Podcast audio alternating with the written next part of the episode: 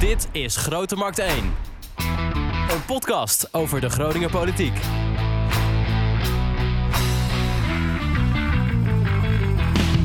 Welkom weer bij een eh, nieuwe aflevering van Grote Markt 1, de podcast van Oog over de Groningse politiek. Ik ben Wouter Rolsappel en tegenover mij zit de onvolprezen Echo van Oosterhout. Dag Wouter. Dag uh, Echo. Ben je alweer een beetje bijgekomen van de verkiezingen?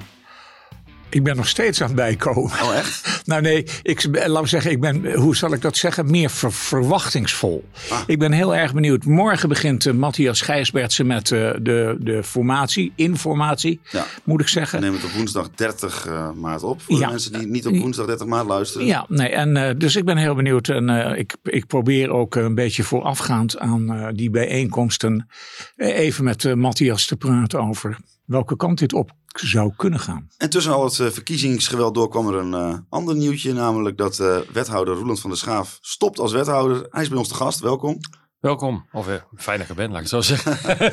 al sinds 2012 wethouder, maar ook al een keer eerder te gast geweest. Ja. Gaat over een aantal dingen hebben deze aflevering. je bent dus voorgedragen als dijkgraaf. Nou, mij willen wij wel even weten wat je dan de hele dag eigenlijk doet.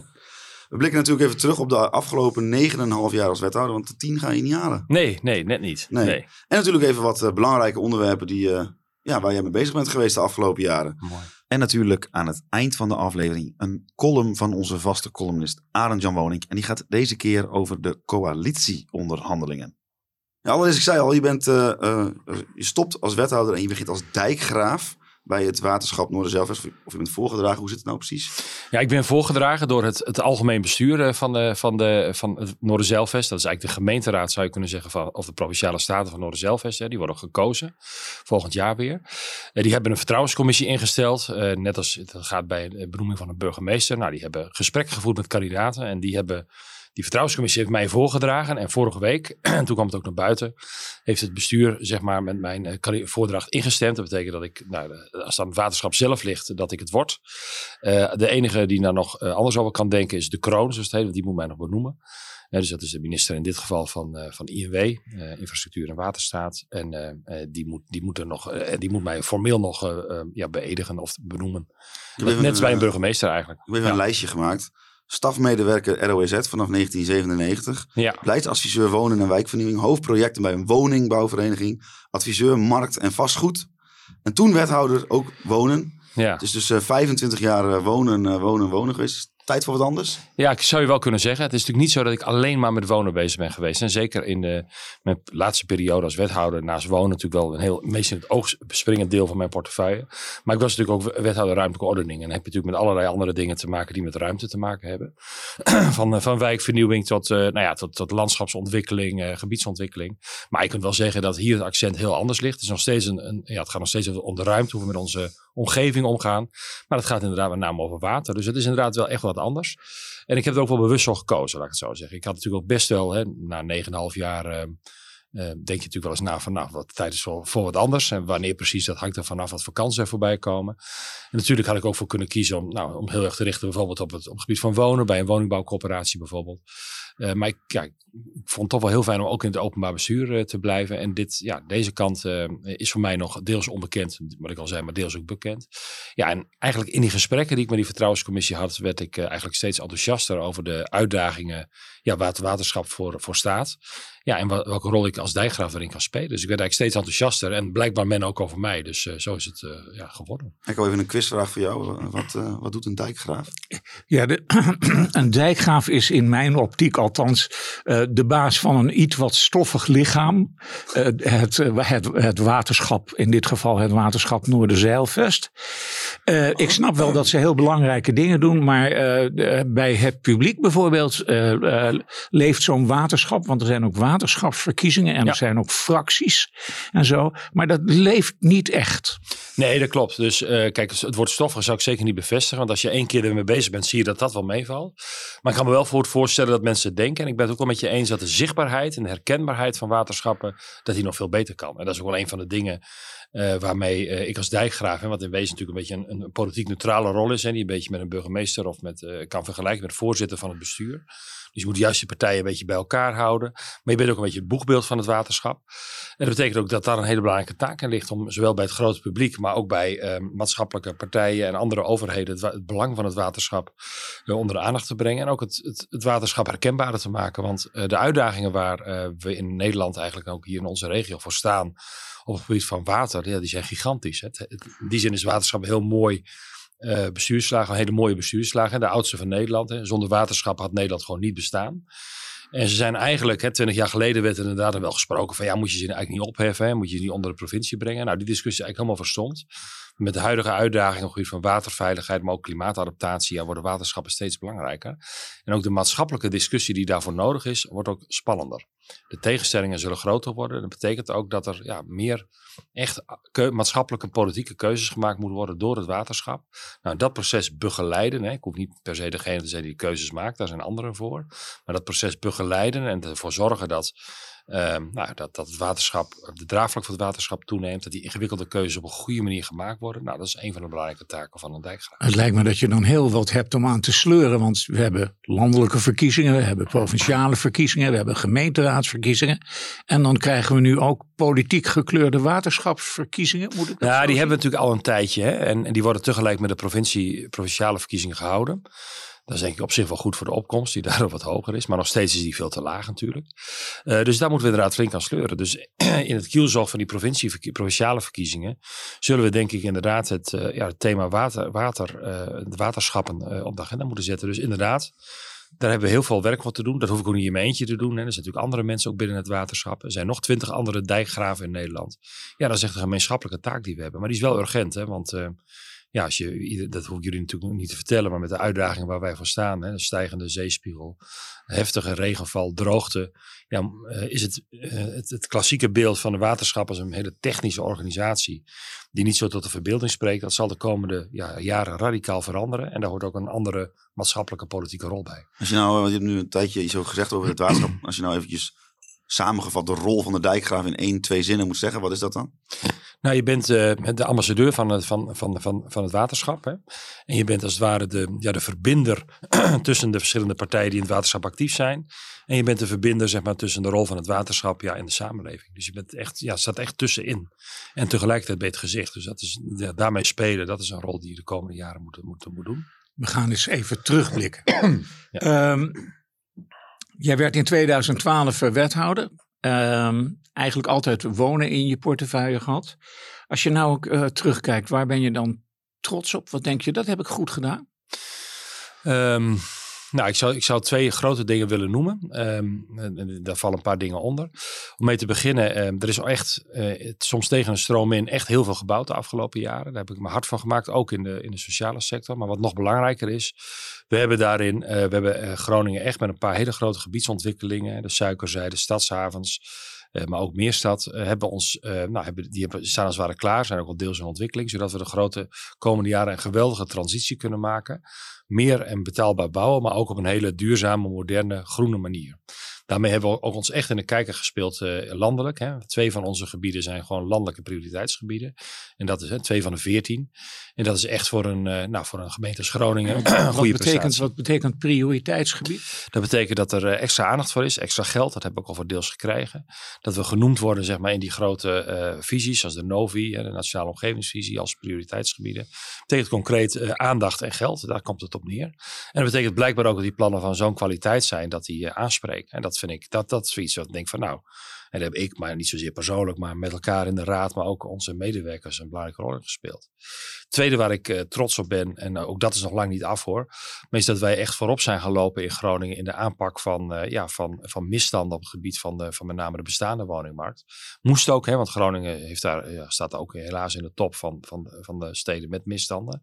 Maar het gaat over het kamervuurbeleid, het, de, de, de verhuurdersvergunning, de aanpak van huisjesmelkers. Daar kijkt men naar ons hoe, wij dat, hoe wij dat doen. Uh, en ik vind ook wel dat, en dat, dat vind ik dan, als je kijkt naar wat heb je nou zelf echt bijgedragen, want dit is natuurlijk iets wat je altijd met een, met een team doet.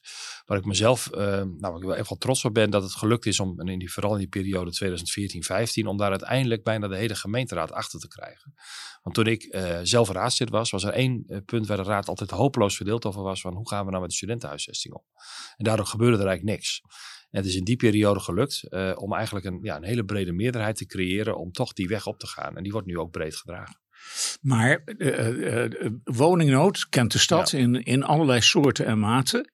Uh, en je, jij hebt er heel hard aan getrokken, maar je hebt dat probleem niet kunnen oplossen. Nee, nee dat is niet gelukt. Ik, ik, denk ook niet dat je als wethouder dat alleen kan, of zelfs als gemeente dat niet, niet alleen kan. Sterker nog, ik denk dat, het klinkt heel lullig om zo dat zo te zeggen, maar het probleem is eigenlijk groter dan toen ik begon. dat, dat, dat reken ik mezelf overigens niet aan hoor, en al helemaal niet de mensen die daar gewerkt hebben. Ik denk dat gewoon de problemen die daar ten grondslag liggen de afgelopen jaren eigenlijk alleen maar groter zijn geworden. Ja. Dus we hebben een beetje tegen de, ja, het is een beetje vechten tegen de bierkaai wat je doet. Jij zegt altijd tegen mij, uh, ik heb je daar heel vaak over geïnterviewd, dan zeg je altijd tegen mij van ja, als de marktwerking nou ergens mislukt is, dan is het wel in de woning. Ja, dat is zo duidelijk te zien. Hè. Er, er, is echt in 2012 een keuze gemaakt, of eigenlijk in de periode 2010, 2012, 2013, um, die overigens voor alle duidelijkheid breed werd gedragen in Den Haag. Hè. Er waren maar een paar partijen die daar echt tegen ingingen. Helaas mijn eigen partij toen niet. Hè. Dus ik, ja, dat is ook echt iets waar de PvdA nog steeds last van heeft. Dat er echt een keuze is gemaakt voor marktwerking in de woningbouw en tegen uh, coöperaties. En dus het hele idee was van we beschouwen de woningmarkt als een gewone markt, net als je uh, graan verhandelt of iets dergelijks. Ja, dat is volkomen mislukt. Hè. De bouwproductie is, terwijl die hard nodig was, juist stilgevallen. Uh, die daarvan vooral van geprofiteerd zijn, hebben, zijn de beleggers. Hè. De mensen die ik net noemde. Dat zijn echt niet allemaal nare huisjesmelkers, maar er is heel veel geld ja, op die manier in zakken verdwenen van, van enkelen. Die daar vooral uh, zichzelf mee hebben, uh, ja, veel zelf van zijn geworden, maar de samenleving weinig dienst hebben uh, bewezen. Er is te weinig gebouwd. Er is ook veel te weinig aandacht daardoor geweest, ook bij, bij de gemeenten, of te weinig capaciteiten bij de Rijksoverheid, van hoe je ja, hoe, hoe, hoe je bijvoorbeeld een nieuwe woonwijk, hoe je een stadsontwikkeling doet. En we, hebben, we zijn echt van ver moeten komen, ook in Groningen, om dingen als suikerzijde, stadshavens weer op de rit te krijgen. Die kennis was gewoon verdwenen. Er was jaren op bezuinigd, noodgedwongen. Dat hebben we nu weer op orde. En daardoor hebben we in Nederland echt jaren achterstand opgelopen, die we nu in een hoog tempo moeten inhalen. En de slachtoffers daarvan, dat zijn vooral de, de jonge mensen, de, de generatie van wachten, zeg maar, die, uh, die geen huis kunnen vinden, die, uh, die um, enorme hoge huren moeten betalen. Ik vind het echt een, uh, ja, het is eigenlijk een, een, we hebben natuurlijk allerlei crisissen nu in de wereld, waardoor deze misschien weer wat minder opvalt. Maar het is eigenlijk een, een stille ramp die wij, met name jongere generaties en mensen met lagere inkomens hebben aangedaan. Hoop je dan als wethouder ook wel eens tegen een muur aan, zeg maar, dat je iets, wel iets wil, maar het kan gewoon niet? Ja, ik vind bijvoorbeeld, uh, uh, waar we, dan hebben we het bijvoorbeeld over die bestaande markt. kijk, we hebben heel veel in Groningen gedaan en er moet ook nog veel meer gebeuren. Maar je ziet, eigenlijk is het eigendomsrecht en het vastgoed zo vreselijk sterk dat alles wat de afgelopen jaren gebeurd is, al die mensen die al die panden hebben opgekocht, ja, dat, dat, wat je ook doet, je komt er eigenlijk bijna niet doorheen. Dus ik zou er echt, als je echt wat wil veranderen, dan zul je dat ook dat iets zou moeten doen. Zijn er dan ook wel eens projecten bijvoorbeeld in Groningen de afgelopen tien jaar uh, doorheen gekomen waarvan je eigenlijk dacht van nou, dit had eigenlijk gewoon helemaal niet moeten gebeuren? Ja, ik denk wel dat er met name in heel veel optoppingen en, en inbreidingen zijn geweest, zeker in het begin, die allemaal op basis van vaak oud beleid en oud vergunningen konden. Ja, waar, waar je met, uh, soms met, uh, met, met tranen in de ogen naar keek, maar ook gewoon Een de voorbeeld? ellende. Nou, waar ik in het begin, uh, um, dat, dat, valt niet zo op, maar uh, omdat je dat niet ziet. Maar ik ben, uh, ik ben mensen in de Baliestraten geweest. En er was gewoon een enorme toren bij die mensen in de tuin of in de buren van die tuin terechtgekomen. Ja, omdat een, een eigenaar. Daar gewoon kon bouwen. En dat, dat slaat echt helemaal nergens op. Iedereen die dat ziet, die denkt van ja, dit kan gewoon niet. De Niemand wordt er topografische gelukkig kennis van. van Groningen is best goed, maar waar is het? Nou, de Baliestraat is een zijstraat van de Korreweg. Oh ja, Eh, in daar in de, dus, daar, daar een zijstraat en daar was eh, aan het begin van de straat was een, een garage en die had daar achter een soort schuur eh, van eh, ik meen 9 bij 9 en eh, eh, tot de verbazing van de bewoners verscheen daar op een dag een team timmermannen en die gingen daar een toren bouwen van 9 bij 9 bij 9 zo ongeveer. Ja, ongeveer. Ja, zoiets Ja. een vierkant ding en die ontnam werkelijk iedereen's het, het zicht en zonlicht en weet ik veel wat. Alle principes eigenlijk die iedereen leert op het gebied van stedenbouw, licht, lucht en ruimte zijn daar aangetast. En er zijn meer voorbeelden, ook in de Schildersbuurt ben ik bij mensen thuis geweest. Nou, dat zijn dingen dat je denkt, ja, nu gaat het echt helemaal mis. Maar ook dingen die wel zichtbaar zijn. Hè. Het Boterdiep staan een paar panden, hè, de, terwijl dat een best een beeldbepalende straat geworden is waarvan je denkt, hoe, hoe hebben we dit ooit kunnen vergunnen? Maar ik denk dat veel mensen dat met me eens zijn. Maar jij hebt je echt heel erg sterk gemaakt tegen die optoppingen en tegen het volbouwen van binnenplaatsen. Nou, dat was bijvoorbeeld dat bezoek aan de Bali-staat, dat was 2014. Ehm, toen ben ik bij die mensen thuis geweest en ik was eerlijk gezegd, ehm, toen ik daar naartoe ging, dacht ik van ja, mensen, was mijn, mijn basisgevoel van ja, waar mensen vooral problemen mee hebben, is dat ze studenten als buren hebben gekregen. Want dat was altijd de spanning hè, van, eh, en dat snap ik ook wel, ik woon zelf ook in een drukke buurt met veel, veel jongeren, dat deze spanningen tussen uh, jongeren en, en, en andere mensen, dat dat het probleem was. En toen ik zei, ja, maar daar gaat het die mensen helemaal niet om. Die mensen hebben helemaal niks tegen studenten. Maar die denken van, wat is het voor onzin dat er in keer zo'n toren in mijn... Wie, bedenkt dat? En toen gingen mijn ogen wel open. Ja, dit gaat over veel meer dan alleen maar klassieke burenoverlast. Hier is echt wat anders aan de hand. Hier zie je dat uh, lieden die daar op een slimme manier gebruik hebben gemaakt van de mazen in de wet. Of gewoon van de wet en het ja, liberale, de liberale wind die er was. Uh, in Nederland op het gebied van wonen en voor een deel ook wel in Groningen, denk ik. En niet zozeer omdat het niet zozeer politiek gestuurd, maar misschien uit ja, gebrek aan uh, inzicht daarin. Uh, of politieke urgentie, laat ik het zo noemen. Die, die daar heel gretig gebruik van maakten en die, de, ja, die als het ware de, het woonplezier van mensen vergalden, zelf hun zakken vulden en ook nog heel veel studenten als het ware aan het uitbuiten waren. Nou, daarvan gezegd, dat moet stoppen. En dat is echt een jarenlang gevecht. En we zijn er nog niet. En dat zal wel heel lang duren uh, voor, om daar iets tegen te doen. En dat komt omdat ja, sommige mensen hebben wel honderden panden in de stad. Dat zijn machtsfactoren geworden. Maar wil je dat doorbreken, dan zul je echt iets moeten doen aan, die, uh, ja, aan, de, aan het verzamelen van vastgoed. Hè. De, ja, als we nou gewoon een simpel voorbeeld nemen, gewoon eens even kijken hoe je, zo, hoe je zoiets begint van A tot ja. Z. Onlangs we, uh, het, kan het besluit om bijvoorbeeld panden die mogen nog maar 30 dagen verhuurd worden ja. via Airbnb. Ja. Nou, stel je zou dat willen. Dat, dat lijkt me niet dat je dat zo eventjes zo met een knip in de vinger zegt. Nou, dat doen we. Er, moet nee. vast veel voor gebeuren. Er moet ontzettend veel voor gebeuren. Want uh, je moet regelgeving hebben. Nou, daar hebben we al best wel lang naar moeten zoeken eigenlijk. Van uh, hoe moet dat dan? De bizarre conclusie was eigenlijk dat de regelgeving die we hadden eigenlijk wel voldeed. Maar dat, dat is dan weer grappig. Hè? Dus dat je, ook daarvoor is juridisch echt onderzoek nodig. Omdat je, je kan wel zaken beginnen. Maar je hebt te maken soms met partijen die de beste advocaten kunnen inhuren. Dus als je het niet goed voorbereidt, verlies je gewoon als overheid. Dat is één. En twee, ja, dan moet je het ook nog handhaven. Je moet echt, we hebben op dit moment we hebben best een, een forse afdeling handhaving. Maar die is gewoon te klein. Dan moeten echt de komende jaren uh, moeten daar gewoon veel meer handjes mensen bij. Er zijn niet alleen maar mensen die het deurtje bellen en kijken wat er aan de hand is, maar ook juristen die, uh, die dingen kunnen uitzoeken. Anders dan uh, verliezen we die strijd. En dat is best ingewikkeld, want dat kost geld.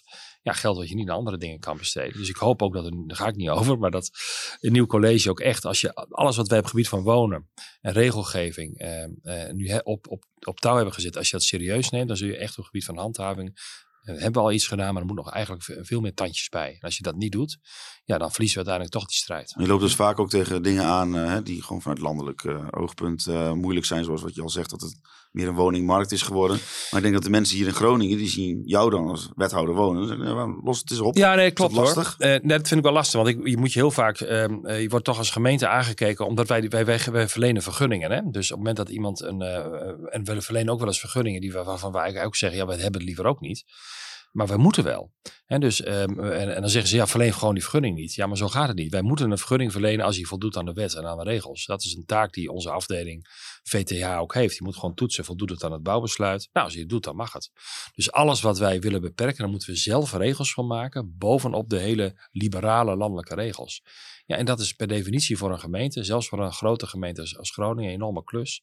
Dus alles wat dan toch misgaat of wat je liever anders hebt gezien, ja, snap ik heel goed dat, um, dat mensen mij of, of onze medewerkers daarop aankijken. Dus in die zin heeft het Rijk het ook vrij makkelijk georganiseerd. Ze hebben uh, de woningmarkt geliberaliseerd de afgelopen jaren en de uh, ellende, ja, die komt terecht bij de wethouders en de raadsleden en de ambtenaren van de gemeentes. Nu is er uh, onlangs een rapport verschenen over, over de woningbouw van Pieter Tops. Ja. En dat, dat schetst een beetje, denk ik, wat je nu uitlegt. Ja, het ging natuurlijk niet alleen over de woningbouw. Het ging over ondermijning in zijn algemeenheid. Ja, maar en hij geeft inderdaad ook het beeld van... Ik vond wel dat het rapport wat, wat weinig aandacht had voor de dingen die we wel hadden gedaan. Hè, moet ik zeggen hoor. Dat, maar goed, er zijn analyse hè, van, van wat er... Uh, wat er mis is, zeg maar, in de, in de relatie tussen, tussen vastgoed en, nou, en andere praktijken. En de macht die een aantal vastgoedbezitters hebben daardoor in steden zoals Groningen. Ja, die deel ik volledig. En ik ben het ook helemaal eens met dat rapport. Dat als je dat wil bestrijden, er op het gebied van handhaving veel en veel meer moet gebeuren dan we nu doen als uh, gemeente. hebben jullie daar steken laten vallen? Is dat, hoe, hoe moet ik dat zien? Nou, ja, ik weet, ja, hoe moeilijk te zeggen. Kijk, wat ik al zei, we zijn van de eerste gemeentes die daar echt wat aan is gaan doen. Dus ik zou niet zeggen dat wij echt steken hebben laten vallen. Eh, ik denk wel dat misschien gemeenten in zijn algemeenheid, ehm, of de overheid, laat ik het dan zo zeggen, veel te laat door heeft gehad.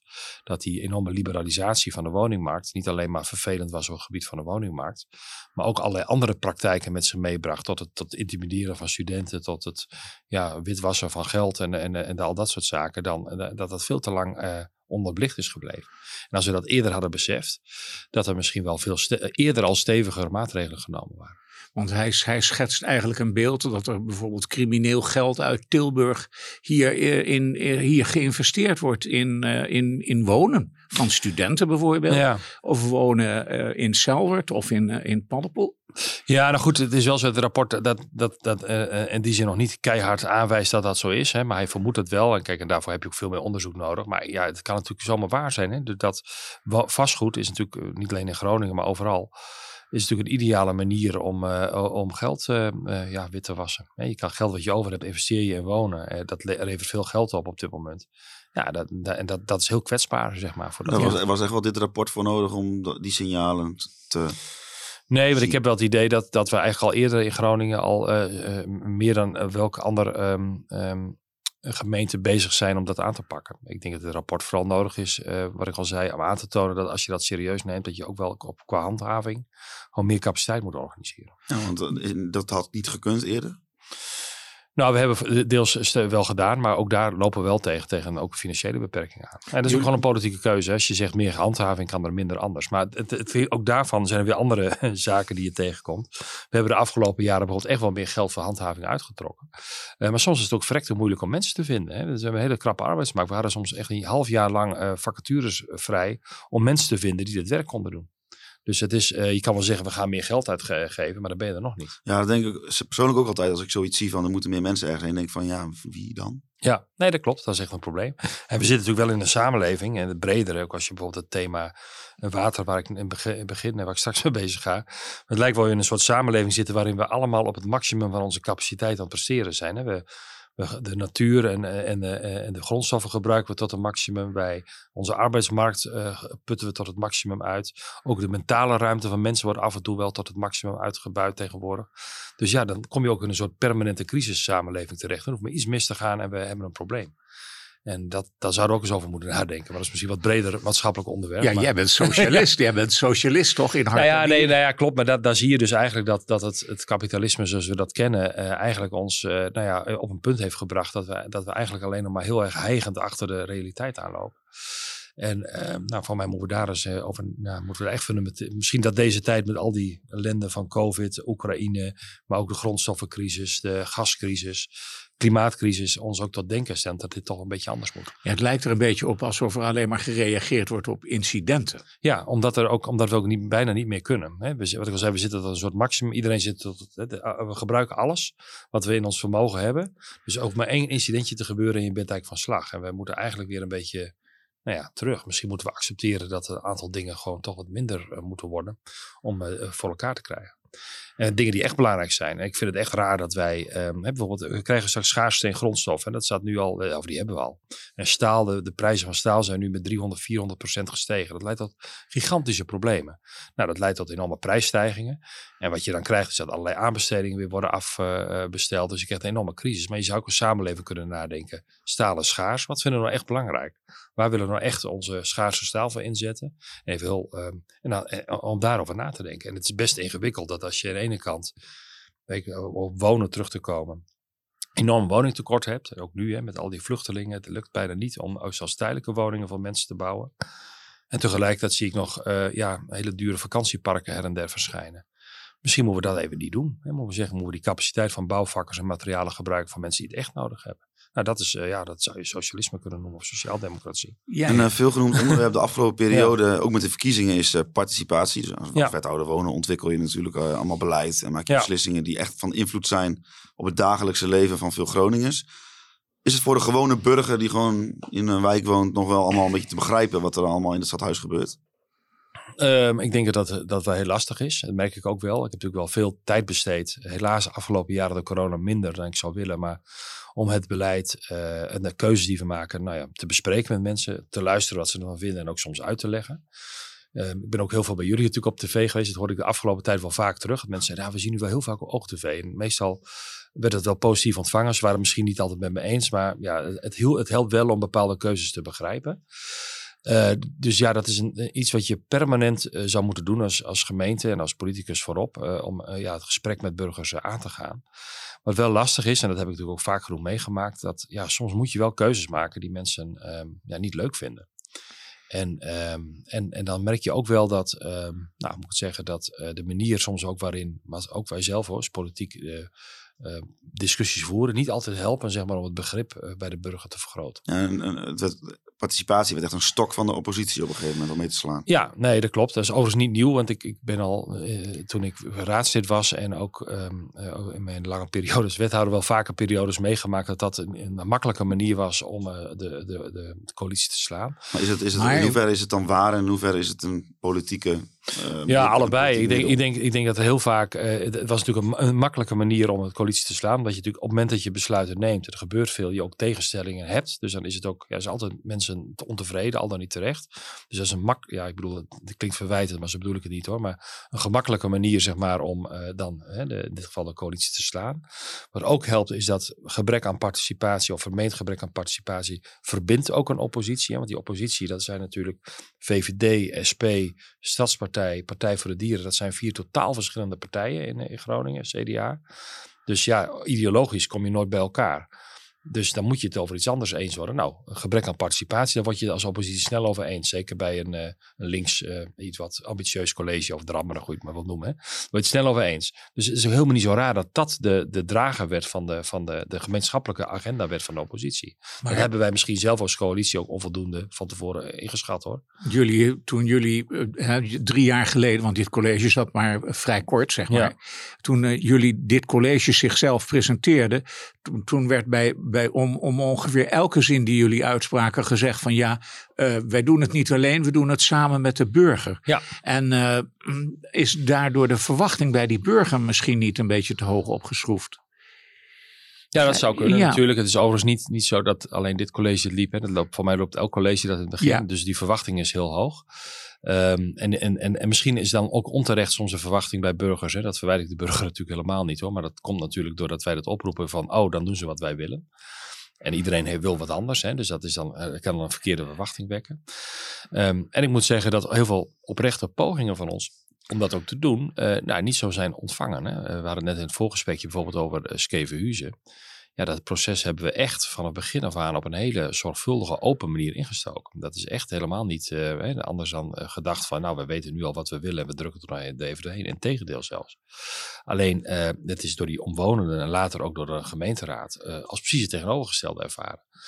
Dus ja, ik, ik, durf echt met grond op mijn hart te zeggen dat dat een proces was waar met de beste bedoelingen en een hele open manier zijn ingestoken. Maar ik, totaal ik, anders is ik, zit al heel lang in, die, in, in, deze politieke verslaggeverij. En elk ja. college en elke wethouder begint, begint ermee van we moeten het samen doen. En, en, en zo.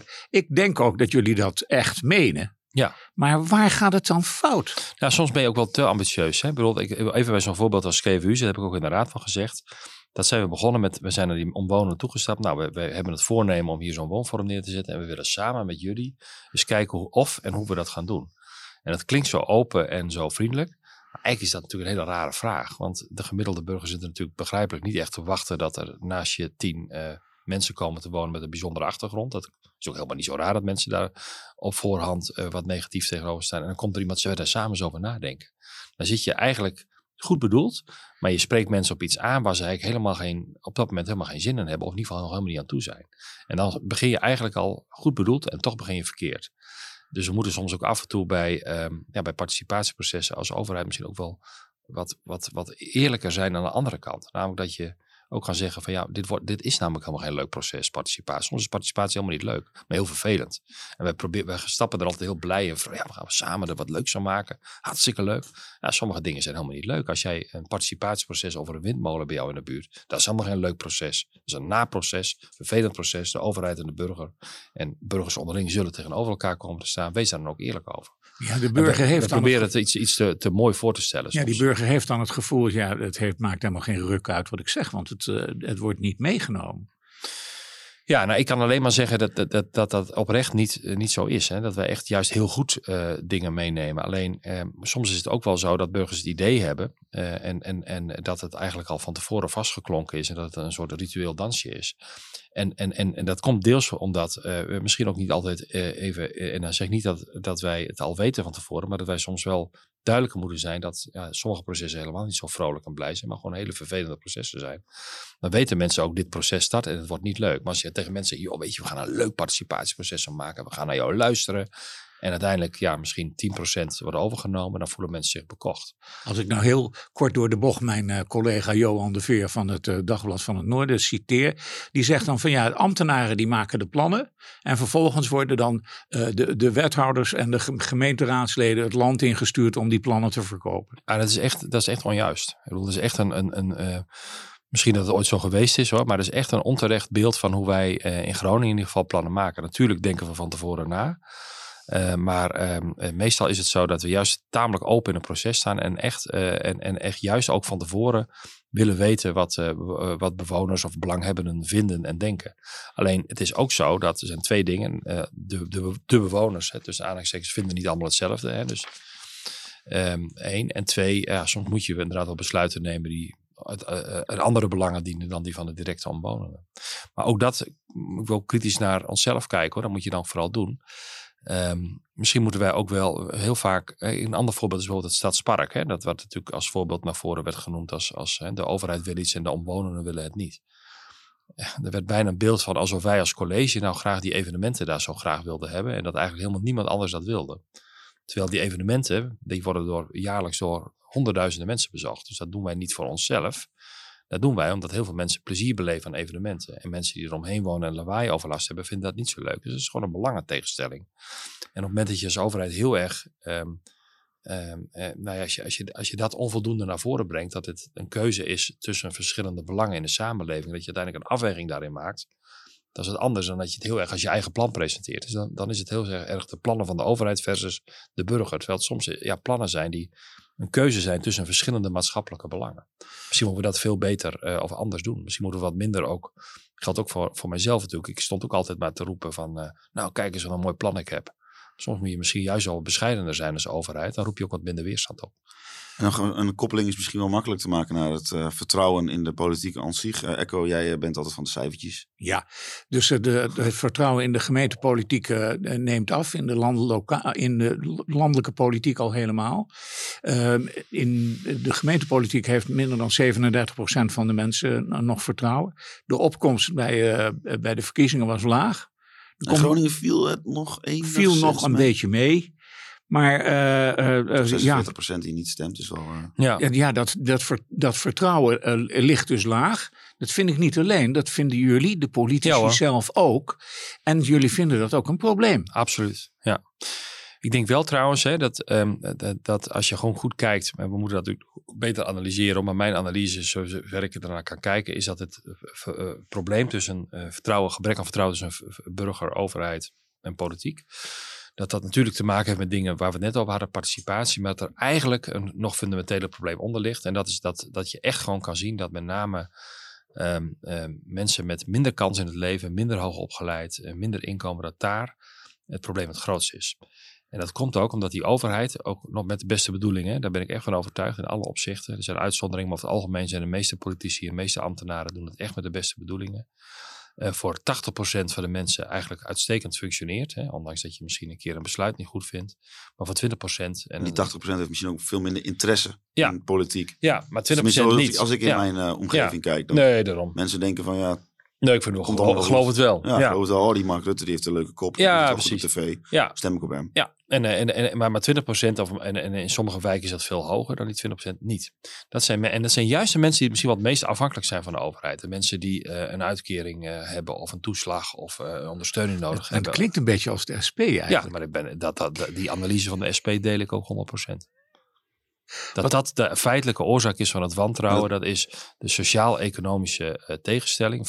eh, eh, en er komt nog een ander aspect bij.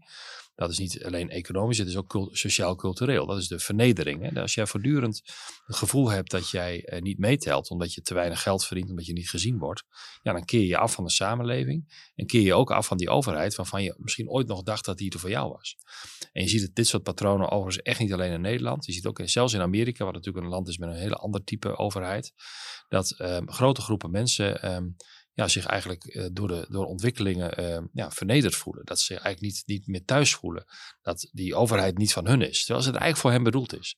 En dat is juist voor een sociaaldemocraat, zeker een, nou, iemand die ehm, de PvdA, hè, die altijd eh, onderdeel is geweest van de overheid, wel een hele pijnlijke conclusie. Dat de mensen voor wie je eigenlijk opkomt, de afgelopen jaren, en dat ligt echt niet alleen in Groningen, dus overal zo zich juist hebben afgekeerd van, van die overheid. En dat Ja, is, en van de PvdA. En daardoor ook van de PvdA, want die associëren ze heel erg met de overheid. Wij zijn natuurlijk altijd zitten in de reg- regering gezeten, premiers geleverd. In de, in de, dus wij worden geassocieerd met die overheid. En ik ga dus niks nadeligs over die overheid zeggen, want het is, we moeten juist de overheid koesteren. Maar het is wel, ehm, ja, het is wel een hele rare ehm, ehm, ontwikkeling die er Als geweest jou, is. als ik jou zo behoor, dan denk ik, je kan helemaal niet weg. nee, er zijn vast Wat- heel veel wat mensen. Laat die- je, wat laat je achter je? Kom op, Roeland. Ja, nee, ik bedoel, dat, nee, dat- ik zeg niet dat ik het allemaal heb. eh, Nee, maar dat is wel wat er aan de hand is. Hè? Dus, en, en, ik, eh, nou, en, en, dat, en dat, dat moeten we echt, eh, dat is echt een grote opdracht. Hè? Er zijn, en, dat, en ja, eerder gezegd, ik denk dat we in Groningen een, een college gaan maken. En ook een raad hebben die dat zich heel goed beseft. Hè? Natuurlijk heb je, is het een verhaal wat, wat Jimmy Dijk van de SP altijd houdt. Maar eh, ik hoor het eh, Karim Bloemhoff eh, net zo hard zeggen. Ik hoor het eh, ook andere mensen van andere partijen dit beamen. Dit leeft in de gemeenteraad van Groningen. Echt.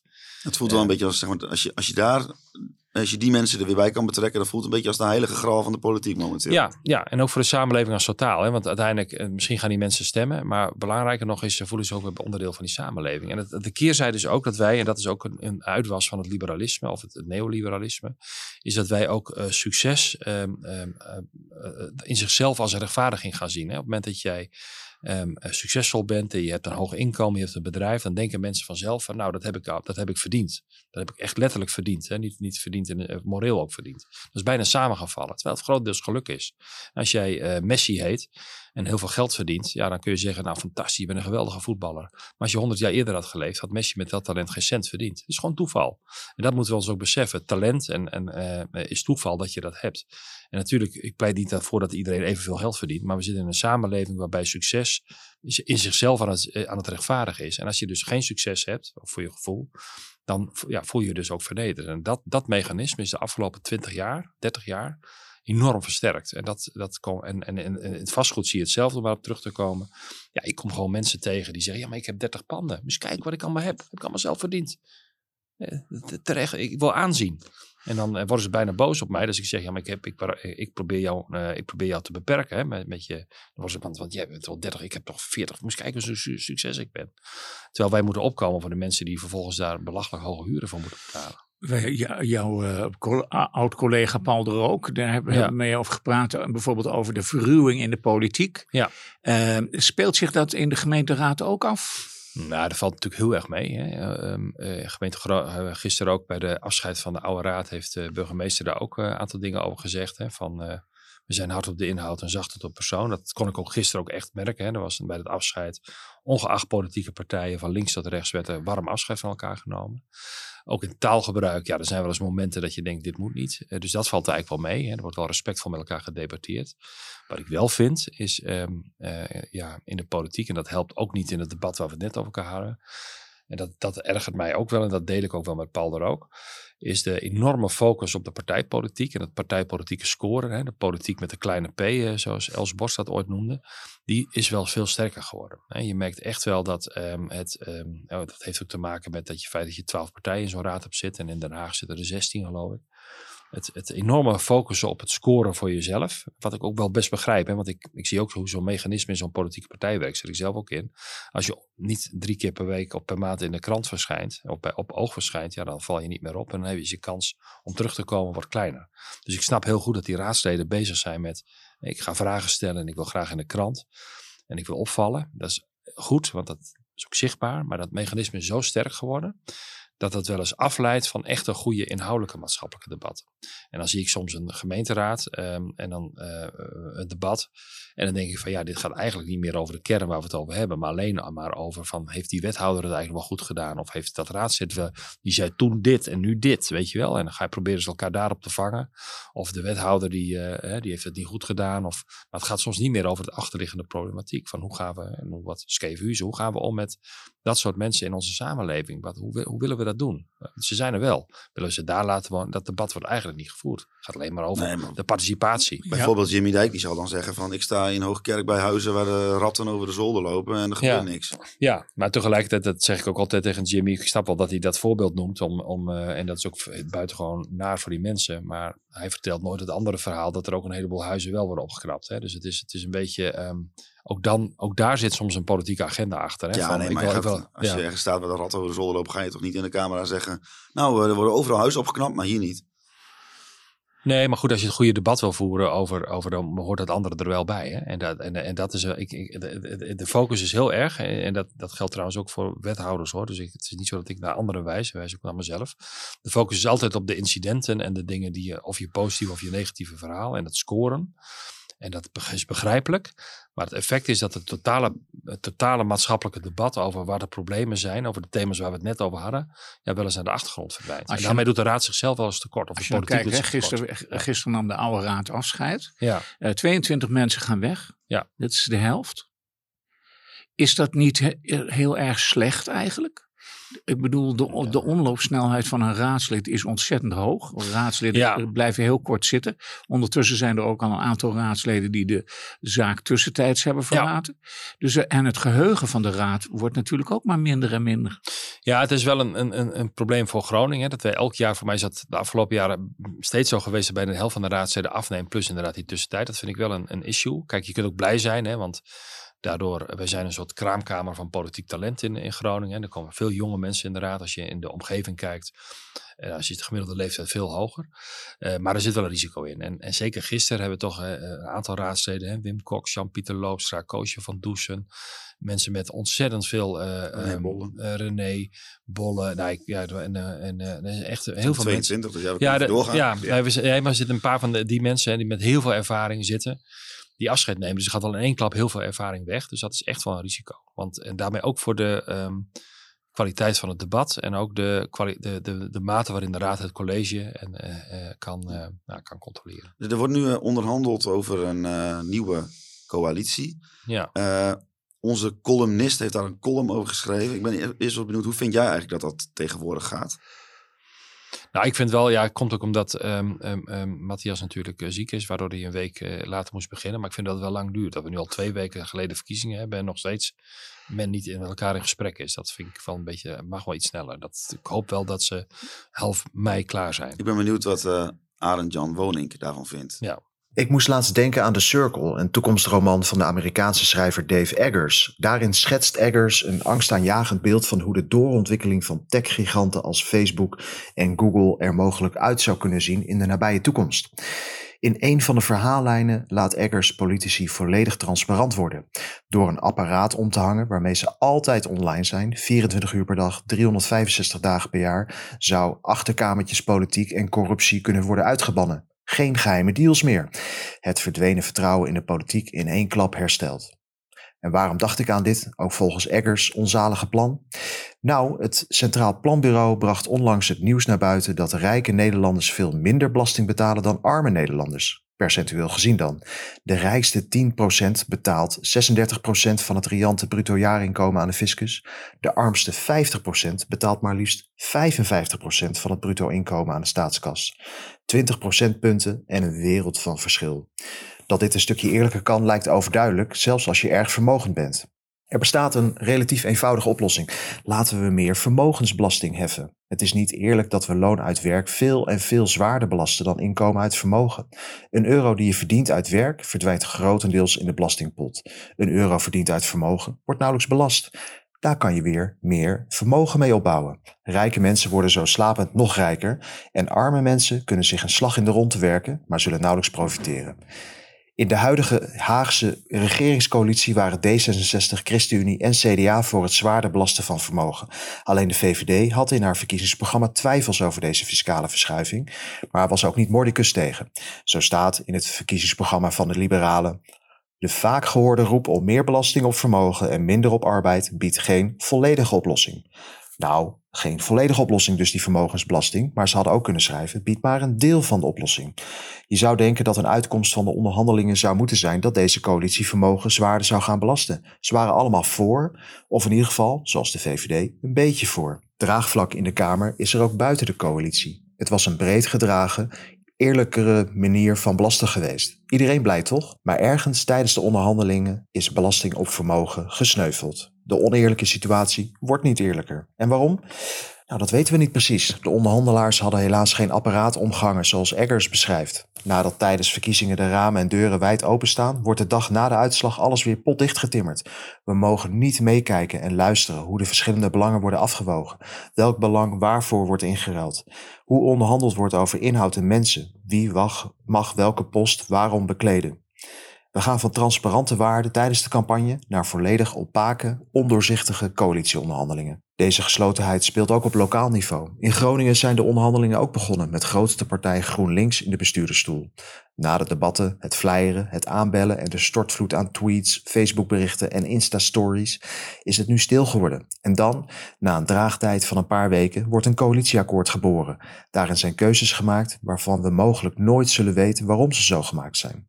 De coalitiepartijen zullen vooral wijzen op wat zij elk uit de onderhandelingen hebben gesleept. Meer groen, een tram naar Zernike, een armoedeaanpak als een grondexploitatie, een muziekcentrum met bovenregionale aantrekkingskracht, duizenden woningen, solide financiën, basisbanen en verrijkte schooldagen. Minder snel zullen ze toegeven waar ze hebben moeten toegeven. Welke rondgetetterde politieke waarde gesneuveld is ten faveur van een akkoord of een wethouderspost. Wat zou het mooi zijn om daar inzage in te krijgen.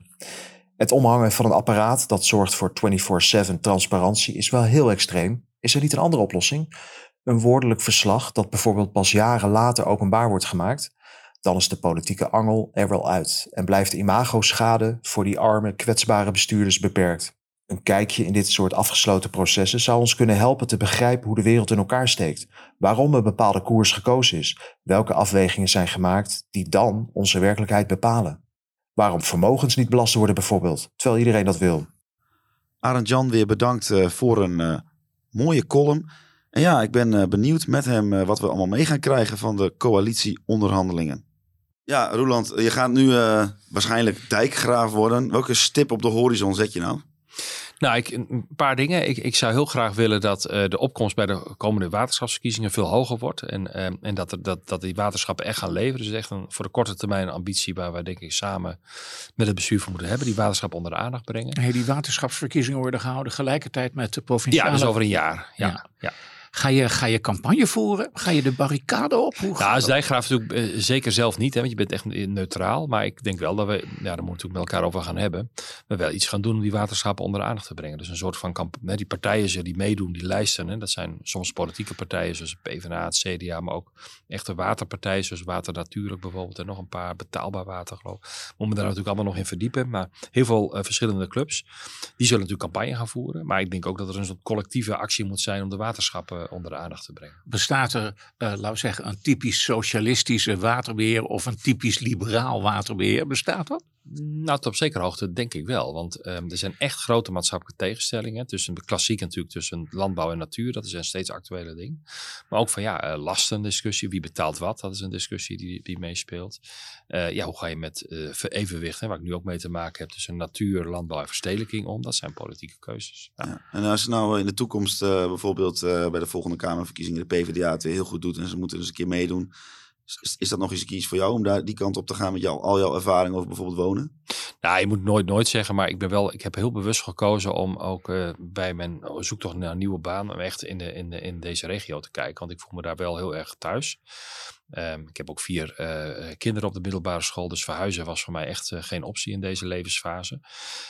dus ik, ja, ik richt me de komende jaren vooral op, op mijn nieuwe baan. En ik ben ook heel blij dat het nog steeds in, in deze mooie regio is. Ja, als, als Groningen, ik denk, ik denk dan van de volgende minister van Wonen, dat wordt Roland van der Schaaf.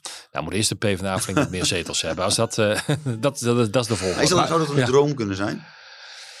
Nou, op dit moment ben ik daar, ik, misschien juist wel omdat de PvdA landelijk natuurlijk niet zo groot is, um, uh, ben ik daar eigenlijk de, nu helemaal niet mee bezig geweest. Hè. Dus nu echt gericht op nou, wat ik nu ook ga doen.